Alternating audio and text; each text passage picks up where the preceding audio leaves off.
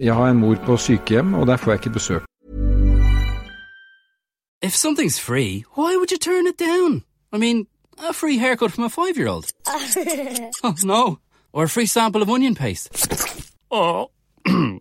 well, then, how about a free tour of your neighbour's new shed? Oh, sounds well. Mm. Okay, look, they were bad examples. But how about a free eye test and free glasses from the 69 euro range at Specsavers with your PRSI? Well, that sounds like something to smile about. Book an appointment or find out more at specsavers.ie. Jeg vokste opp med fortellingen om min farfar som mistet sin kone i spanskesyken. De hadde født sitt første barn, min onkel, og hun var gravid med nummer to, og i eh, 1918 så døde hun. Det kommer ikke en dato, tror jeg, hvor man sier at nå er det over, nå kan vi bare avblåse. Det er en påminnelse også om at livet er skjørt. Her er Stavrum og Eikeland. Velkommen, Jonas Gahr Støre. Takk for at du tok tid til å besøke oss i denne krevende tiden. Eh, du er jo Arbeiderpartiets partileder, og muligens Norges neste statsminister. Du har også vært helseminister og jobbet med Gro i Verdens helseorganisasjon. Hvor ille kan dette bli? Jeg pleier å si i mine innlegg om dette nå at vi kommer ut av dette. Dette har vi full kapasitet til å komme gjennom. Eh, det er et virus som legevitenskapen kan eh, veldig mye om nå. Tenk på spanskesyken under første verdenskrig, slutten av første verdenskrig. Da visste man jo ikke hva det var som foregikk. Nå jobber laboratorier med å forstå dette. Det er mye man ikke vet om viruset, men det er også mye man vet. Så dette kommer vi gjennom. Men det som er klart, er at det er en smitte av et virus som vi ikke har hatt i sirkulasjon før. Som vi ikke har immunitet mot, som vi ikke har vaksine mot. Og Det betyr at mange skal smittes. Og Så gjengir jeg det som helsemyndighetene sier, for det mener jeg er klokt her. De fleste som får dette, får det lett. Eh, de som er eldre, lungesyke eller sårbare, kan få det tungt. Og det vil folk miste livet av. Det er jo nesten 1000 mennesker i året som dør av influensa i Norge. tror jeg ikke mange tenker på, for influensa går for å være en sånn folkesykdom vi alle får fra tid til annen. Eh, men den er en dødelig sykdom for de som eh, er utsatt. Eh, poenget er at tallene kan bli høye eh, med dette viruset hvis ikke det tas veldig kraftfulle tiltak. Eh, det mener jeg det er riktig å forholde seg til, og derfor er det også If something's free, why would you turn it down? I mean, a free haircut from a five year old. oh, no. Or a free sample of onion paste. Oh. well, then, how about a free tour of your neighbour's new shed? Oh, sounds well. Mm. Okay, look, they were bad examples. But how about a free eye test and free glasses from the 69 euro range at Specsavers with your PRSI? Well, that sounds like something to smile about. Book an appointment or find out more at specsavers.ie. Såpass dramatisk som det er nå, når veldig mye av samfunnet, la oss si det på den måten, stenges ned. Økonomien stopper opp, med det ene formål at vi beskytter de som er sårbare, og ikke får en voldsom smittetopp.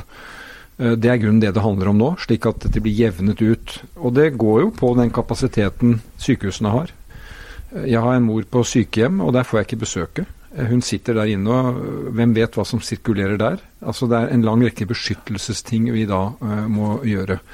Da kan vi komme gjennom det, og det blir alvorlige helsekonsekvenser som jeg mener er håndterlige. Og så er det jo uoversiktlig hva som vil skje med folks jobb, økonomi og det som er hjemme, fordi vi har en økonomi som i så liten grad er vant til å stoppe opp, sånn som det skjer eh, nå. La oss, la oss, prate litt om det. Altså, vi har jo en sånn eh, måling nå hvor vi spør eh, over 3000 nordmenn hver dag hvordan de ser på, på utviklingen av koronaviruset. Vi spør hvor bekymra de er for egen helse, sine eldre slektningers helse og for sin økonomi. Det De svarer er at de er veldig lite bekymra for sin egen helse. De er veldig bekymra for sine eldre slektningers helse, og så er de bekymra for økonomien. Hvor ille kan det bli økonomisk? Du følger jo markedene. Eh, Nettavisen gjør dere jo det. Eh, børsene eh, de har jo falt mye. Stor ustabilitet. Det er jo et barometer som ikke liker usikkerhet, og det er mye usikkerhet nå. Og det er klart at når vi lever i en økonomi hvor vi forbruker, vi produserer og vi etterspør, som man sier, og så stopper veldig mye av det opp fordi vi er inne Vi, ikke, vi, går ikke på kafé, vi, vi, handler ikke det vi pleier. Og de som leverer de tjenestene, de får ikke oppdrag. Det er ikke lager mer, nesten, i vår økonomi, for alt kommer som det heter just in time. Dvs. Si at bilfabrikken i Tyskland de har ikke lagre med støtdempere, men morgendagens støtdempere som skal skrus på en Audi, den er i lastebil på vei fra Raufoss øh, nedover i Europa og kommer inn til avtalt tid. Så når ting da stopper opp i den verdikjeden, så blir det jo full stopp. Uh, og det er alvorlig. Uh, det er alvorlig for økonomien. Uh, og vi har vært opptatt siste døgnet i Stortinget at arbeidstakere som rammes av dette, permitteres, mistes jobben. Selvstendig næringsdrivende som ikke har sikkerhetsnett, de må vi bygge et forsvarsverk for. Det har vi gjort gjennom vedtakene denne uken, og det kan hende vi må forsterke dem. Så har jeg tro på at denne økonomien vi er en del av, er enormt tilpasningsdyktig og kan kaste seg rundt, slik at når vi kommer gjennom dette, og det gjør vi, for dette viruset kom, vil på en måte fases eh, gjennom og ut, så kommer dette i gang igjen. Men jeg bruker et bilde. Hvis en jernbanevogn står på skinner, eh, og det regner og det ruster, så triller ikke hjulene. Vi må sørge for at når dette begynner å gå igjen, så kommer økonomien i gang. Derfor er det så viktig at folk blir permittert og ikke sagt opp.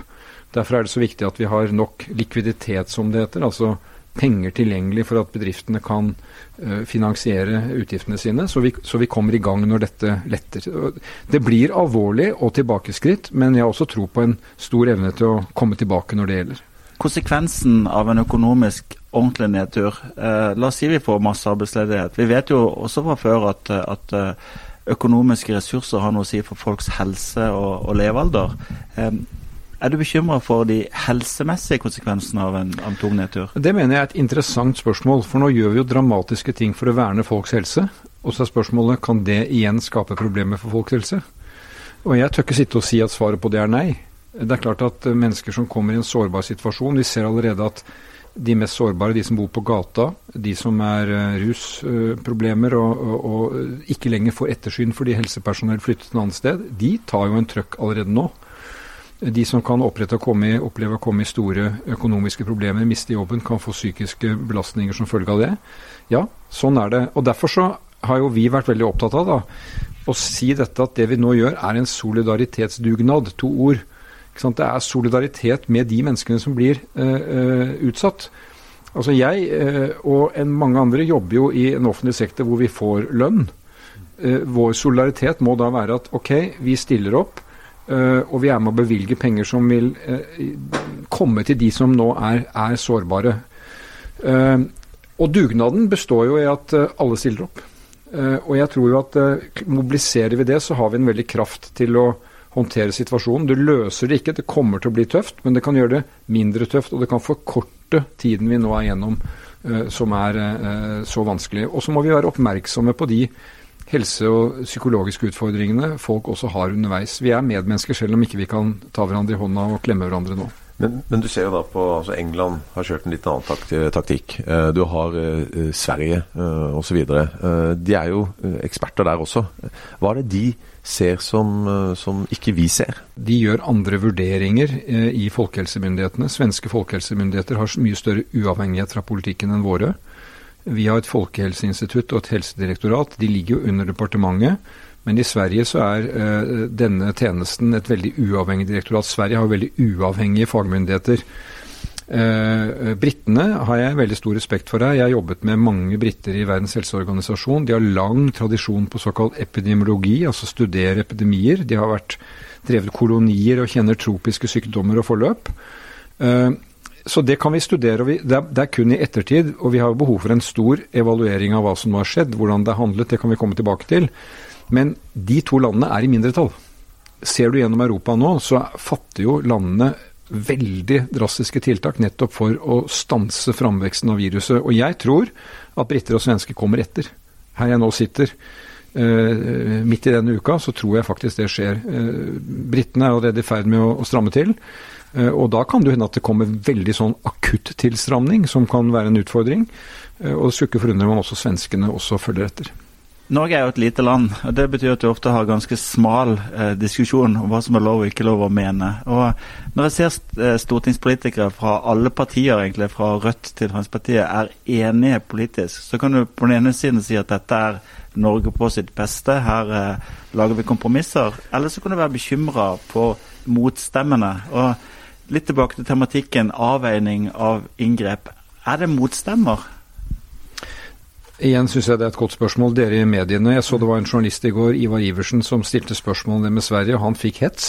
Mm. Eh, jeg vil si ære være han. Det tåler vi. Og den, de motstemmene må være i debatten. Jeg kan love deg at selv om vi kommer til enighet i Stortinget om tiltak, så går det ganske friskt i diskusjonene veien dit. Eh, for å si det litt personlig, det at nå Hadia Tajik og jeg sitter med Sylvi Listhaug og Siv Jensen og snakker oss fram til enighet det er jo ikke, en, det er ikke dagligdags. Og jeg tror ikke det, er, det gjelder jo ikke i alle politikkens felt, men det sier litt om en kvalitet, vil jeg si, da, i norsk politikk at uh, vi fire, og også Trygve Slagsvold Vedum og Audun Lysbakken, de fire partiene, som nå er flertallet på Stortinget, kan komme sammen og si at det viktigste først. Og da er det en del vi kan ta til siden. Men det, det gjør ikke oss noe mer enige om det vi er uenige om, og vi bryner hverandre på, uh, på de løsningene som kommer. Men jeg tror nå, i den situasjonen vi er i nå, så er det flere fordeler at vi går sammen, enn en ulemper at det ikke er rebelske motstemmer her. Men det er jo ikke noe nytt i helsevesenet å prioritere. Altså du, du hører jo om at uh, folk som har kreft, så hadde de bare fått den medisinen, så hadde de kanskje levd mye lenger, eller kanskje faktisk uh, blitt friske. Men den er for dyr, og så får de den ikke. Dette koster mye. vi vet jo ikke regninga enda. dere har lagt 100 eh, milliarder på bordet foreløpig. Jeg tror faktisk det blir enda mer. Eh, men er det riktig å prioritere dette så hardt på denne måten, når du vet at konsekvensene er så store? Ja, Det blir jo en spørsmål vi må ta uh, framover. La meg bare si det, fasiten vet vi ikke. Men uh, etter hva vi vet, så mener jeg at det er riktig å gjøre det. Fordi uh, jeg tror at konsekvensen av å ikke gjøre det er større. Eh, Norge er jo et land som da har eh, peng på bok, som eh, Sigbjørn Johnsen sa. De skal vi bruke med stort ansvar. Jeg mener det er pensjonsfond. Det er våre barns pensjoner vi snakker om. Men uh, i krisetilfeller så skal man uh, tråkke til. Uh, altså Jeg tror gamle Kanes, økonomen, sa det at når det er slike situasjoner, så må man bare rett og slett hive på for at økonomien går, går rundt. Men det du sier, Ole, på Prioritering det er jo en dramatisk situasjon de står i den kliniske hverdagen hver dag i sykehusene. Og noe av det dramatiske her er at du kan få så stort press på sykehusene at de må prioritere hvem får en respirator. Hvem kan vi redde livet til? Og en del av det vi gjør nå, er jo et forsøk på å ikke komme dit. Eh, at det rett og slett blir kaotiske tilstander for hvem som trenger eh, akutt behandling. Men, men, under finanskrisen eh, så var det jo relativt mange som, som slet psykisk. Altså det var jo, Jeg vet ikke hvor mange det er estimerte, men det var ikke snakk om en 50 000 uh, som, som, døde uh, over de nærmeste årene etter finanskrisen. Det er klart at uh, det er mange som sliter nå psykisk med de påkjenningene som, ja. som, skjer. Det er jeg veldig ydmyk for. Det er tøft å være menneske. Det er tøft å leve i et samfunn som ikke lar seg forutsi fra dag til annen. Jeg mener et av de temaene vi må snakke om når vi skal oppsummere, det er det at hvor forberedt var vi på at det kom en pandemi. Jeg har vært litt sånn besatt av dette temaet fordi jeg vokste opp med fortellingen om min farfar som mistet sin kone i spanskesyken. Han hadde født sitt, de hadde født sitt første barn, min onkel, og hun var gravid med nummer to, og i eh, 1918 så døde hun eh, i det som var da en lungesykdom. Så da min far kom i 1925, så var det en ny eh, eh, kone til min farfar. Så det er en sånn historie som følger med. Og så har jeg vært veldig opptatt av dette med pandemi og smitte siden jeg jobbet i WHO, for jeg fikk øynene opp for hva dette er. Eh, altså, dette kan spre seg, og i vår verden hvor vi er så koblet opp så utrolig raskt. Eh, vi hadde svineinfluensaen, vi hadde SARS-epidemien. Dette har vi jo sett. Så spørsmålet er jo burde vi hatt uh, altså det, Den neste krisen er ikke kopi av den forrige. Og det å kunne skulle være, ha full beredskap av pandemier kan også komme, det er noe vi bare må Jeg tror det er den nye normalen. Dette kan skje. Dette er jo spesielt dramatisk, men i framtiden også så kan sånne ting skje. Tror du dette kommer til å forandre oss eh, permanent? Jeg tenker på eh, Vi har gjort oss avhengig av import fra Kina. Vi ser jo år etter år at også det kommer på en måte influensavarianter fra Kina. Eh, flytrafikken rammes jo nå. Eh, det er også lettere å være antiglobalist nå enn det var for fire uker siden. Tror du det kommer til å endre vårt reisemønster, vårt handlemønster, vårt syn på verden? Jeg tror det kommer til å endre oss, fordi alt som skjer er jo med på en endring. Enten den er stille og litt umerkelig, eller at det er mer sånn går i etapper. Hvis du ser på tiden tilbake, så har jo verden og verdensøkonomien en utrolig evne til å liksom komme tilbake på spor. Altså Hvis du leser eh, hvordan disse epidemiene påvirket reisemønster, SARS-epidemien, eh, som jo ikke ble så alvorlig, men den var alvorlig. Det ble en liten dipp. Men da den normaliserte seg, så begynte turister å reise eh, igjen. Men disse virusene de, de kommer jo sesongbasert. Influensaen kommer jo hvert år. Eh, de som vaksinerer seg, vaksinerer seg på grunnlag av hva man vet om den forrige vaksinen, og, og, og jobber videre. Um, så ja, uh, jeg tror et tema vi kommer til å måtte ta tak i, det er hva bør vi ha på lager. Ha, det at vi nå mangler verneutstyr for de som står i førstelinja, det, nå ser det ut som det kanskje kan bedre seg, da. Det at vi mangler kritiske medisiner fordi vi ikke produserer dem selv det må ikke føre til at vi skal si at vi skal produsere alt vi bruker selv. Altså Selvforsyning, sjølforsyning, det, det, det, hører ikke en moderne tid til. Men at du må ha lagre for å kunne møte uforutsette situasjoner, det tror jeg vi må, vi må ta mer på alvor. Nå er det urettferdig å spørre deg som om du var lege, men du har jobba i WHO. Du har også vært interessert i virusspredning. Altså, det som undrer meg litt, det er hvordan man tenker seg å klare å utrydde en virus før man har en vaksine. Jeg syns det virker veldig tungt å tenke seg at man skal bli kvitt all virus. Og da er man vel egentlig tilbake igjen at spredningen vil begynne igjen med en gang man begynner å slippe opp på tiltakene? Altså Jeg eh, er jo ikke lege, da, som du sier, men jeg tror det der elementet å bli kvitt og utrydde en virus, det skjer ikke. Nei. Eh, fordi at uh, den, har, den, har, spredt seg, og den, den, den, skal være på en måte blant oss. Vi skal utvikle immunitet. De aller fleste av oss uh, uh, vil på en eller annen måte stifte bekjentskap med den, og så vil den blir håndtert, og vi går videre og vi får et immunforsvar eh, mot den. Uh, så det er, eh, det er liksom gangen i dette. Men det vi kan gjøre, er å forsøke å kontrollere og begrense måten dette spres på. Og hvis man tar dette, altså det, det store dramaet i dette virusspredningen er jo de landene som ikke har oppegående helsesystem. De som ikke har ordninger for de som er sårbare.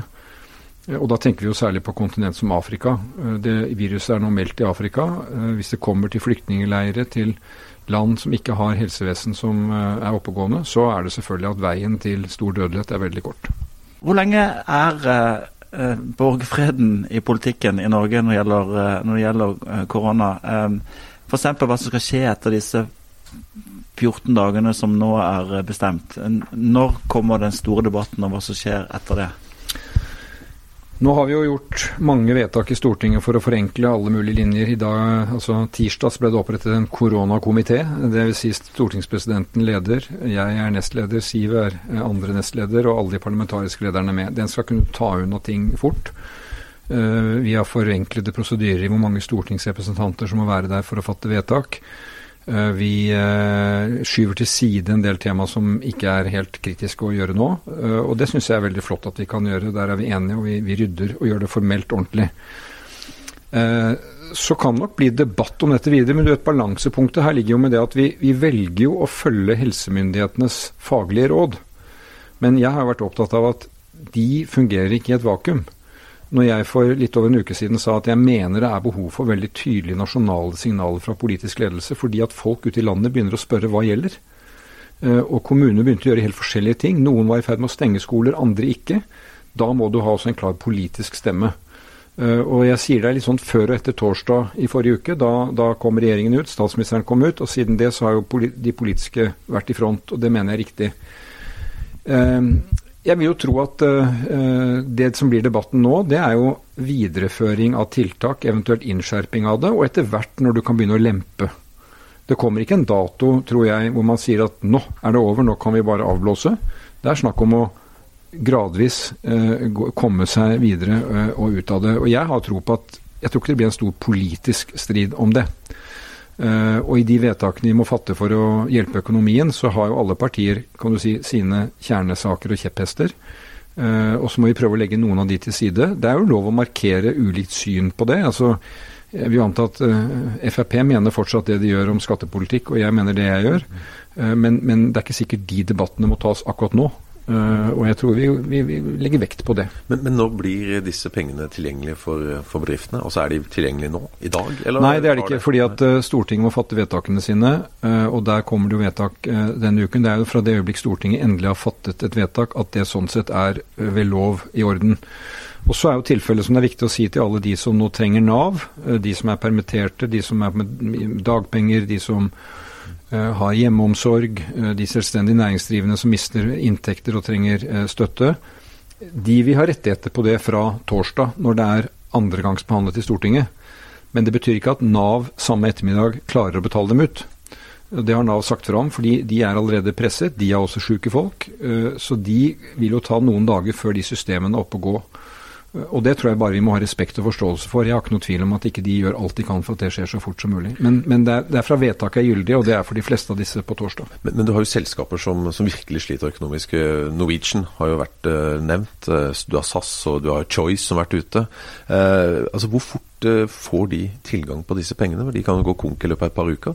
Ja, Jeg vil jo ikke nevne enkeltselskaper. da, Dette er jo børsnoterte selskaper. og vi, En del av det som skjer, så er vi på sånne børslister osv. Så ja. Men jeg vil si det sånn at Eh, de ordningene som nå er annonsert med eh, lånegarantier, eh, obligasjonsfond for de store bedriftene, de kommer veldig fort på plass. Her er det Folketrygdfondet og Norges Bank som skal håndtere det. Dette er jo veldig oppegående institusjoner som kan gjøre det raskt. Så jeg kan ikke telle timene, det må nesten Finansdepartementet si, men, men, det er ikke mye etter at dette er endelig vedtatt at dette kan komme i gang. Men det mange av disse er redd for. Torgeir Silseth, eh, sjefen i Choice, gikk jo ut og sa at uh, det, det, blir nesten som å, å, betale huslånet ditt med at du tar opp kredittkortgjeld eller uh, forbrukslån. Uh, altså, de, de, ja, du utsetter problemet, men det, det kommer. Altså, har man tenkt litt på hvordan man takler det etter den første runden nå? Ja, det må, vi, det må vi se fortløpende på, tenker jeg. Kan, det være aktuelt for at uh, staten blir, ja, går inn litt sånn som man gjorde under bankkrisen, og blir eier av Norwegian, eier i, ja, i Jeg vil ikke kommentere detalj det, det, på det, men, men, jeg tror bare sånn generelt sett så sier at vi har bygget et forsvarsverk nå. Uh, helsevesenet vet at de får ressursene de trenger. Kommunene må også kompenseres og få ressurser. Vi har et forsvarsverk rundt bedriftene med disse ordningene, og rundt folk som blir sårbare gjennom det vi vedtok eh, med permitteringer osv. Det vil bli avdekket hull i det forsvarsverket, basert på erfaring, og de må vi eh, håndtere. Og det kommer nye behov som vi må vurdere. Og nå er det sånn at uh, regjeringen har et ansvar for å sette i gang ting. Det er et flertall på Stortinget som er engasjert i dette. Og vi får jo tusenvis av innspill fra kommuner og folk over hele landet. Og så får vi prøve å se gjennom dem og se hva som er felles, og hva vi kan gjøre noe med. Og så må vi også si at det er noe politikken ikke kan gjøre noe med. Her må vi også stille opp for hverandre. Og jeg tenker at ja, det er mye god dugnadsånd i Norge som vi klarer å gjennomføre, selv om ikke vi kan som sagt ta hverandre i hånda. Altså Du kan handle for naboen, du kan, du kan, du kan gjøre hjelpende ting. To refleksjoner her. Det ene er vel hvordan det er å være politiker i en tid hvor hvor, hvor, folk føler at lommeboka er litt åpent. Der får jo der får garantert veldig mange henvendelser fra interessegrupper som også eh, forsøker å maksimere situasjonen. Så Det å vurdere hva de skal bruke penger på, vil jeg vel anta en, en, også ja, en avveining? Det er et veldig viktig tema. Vi har tre sånne huskeord på veien i det. Det vi nå gjør skal være midlertidig. Det gjelder når dette er en krise. Den vil etter hvert gå over, så det må være midlertidig. Det må være målrettet. Det må treffe der det er. Eh, og det må være sosialt rettferdig. Vi prøver å måle opp mot det. Og Det betyr at uh, jeg, ikke, jeg, vil ikke peke noen finger mot det, men hvis noen kommer og tenker at her kan de få et sugerør inn i uh, statskassa, eller eh, få en eller annen type subsidie på, på, noe vis som ikke det er berettiget, så må vi ha evne, vi og sammen med myndighetsapparatet, til å se gjennom det. Det prioriterer vi ikke. Og så har vi sagt i dag fra Arbeiderpartiet at de selskapene, bedriftene som nå får en håndsrekning i form av lån og garantier, de kan ikke snu seg rundt og betale store utbytte til eierne sine. Eller store bonuser og lønninger som da går ut andre veien. Det kan ikke være sånn som man sier at man sosialiserer eh, utgiftene, nemlig fellesskapet tar det. Og så er det på en måte opp til bedriften å privatisere utbyttet. Jeg tror det sitter i ryggmargen til nordmenn og til de som leder små og mellomstore bedrifter, som har ett mål nå, nemlig å ta vare på bedriftene og de ansatte. Men jeg tror at når man åpner for å låne ut penger til bedriftene, støtte dem nå, så bør det være en side på den kontrakten som sier at man forplikter seg til å først gjøre opp med det fellesskapet man har fått støtte fra, eh, før man tar ut eh, store utbytter. Den andre refleksjonen jeg tenkte på, det er jo at um, som du sa, dere lytter på rådene fra helsemyndighetene, men det skjer ikke et vakuum. Um, jeg tror mange lurer på hvordan sikrer dere at ikke på en måte helsa, den kortsiktige helsegevinsten går foran alt mulig annet? Altså, hvordan sikrer dere at faktisk økonomiske bekymringer også forteller den beslutningen? Jeg tror vi alle er veldig preget, egentlig, av det vi opplever i nærmiljøet. Altså noen har en Altså jeg har en slektning som kjører drosje, og det er ikke oppdrag. Og han har ikke noe sikkerhetsnett. Han kan ikke permittere seg selv. Nå har vi fått på plass en ordning som gjør at uh, type drosjesjåfører, da, første 17 dagene så er det ikke noe. Men så kan du få uh, opptil 80% av det du har hatt i sånn snittinntekt de siste tre årene. Opp til et visst nivå.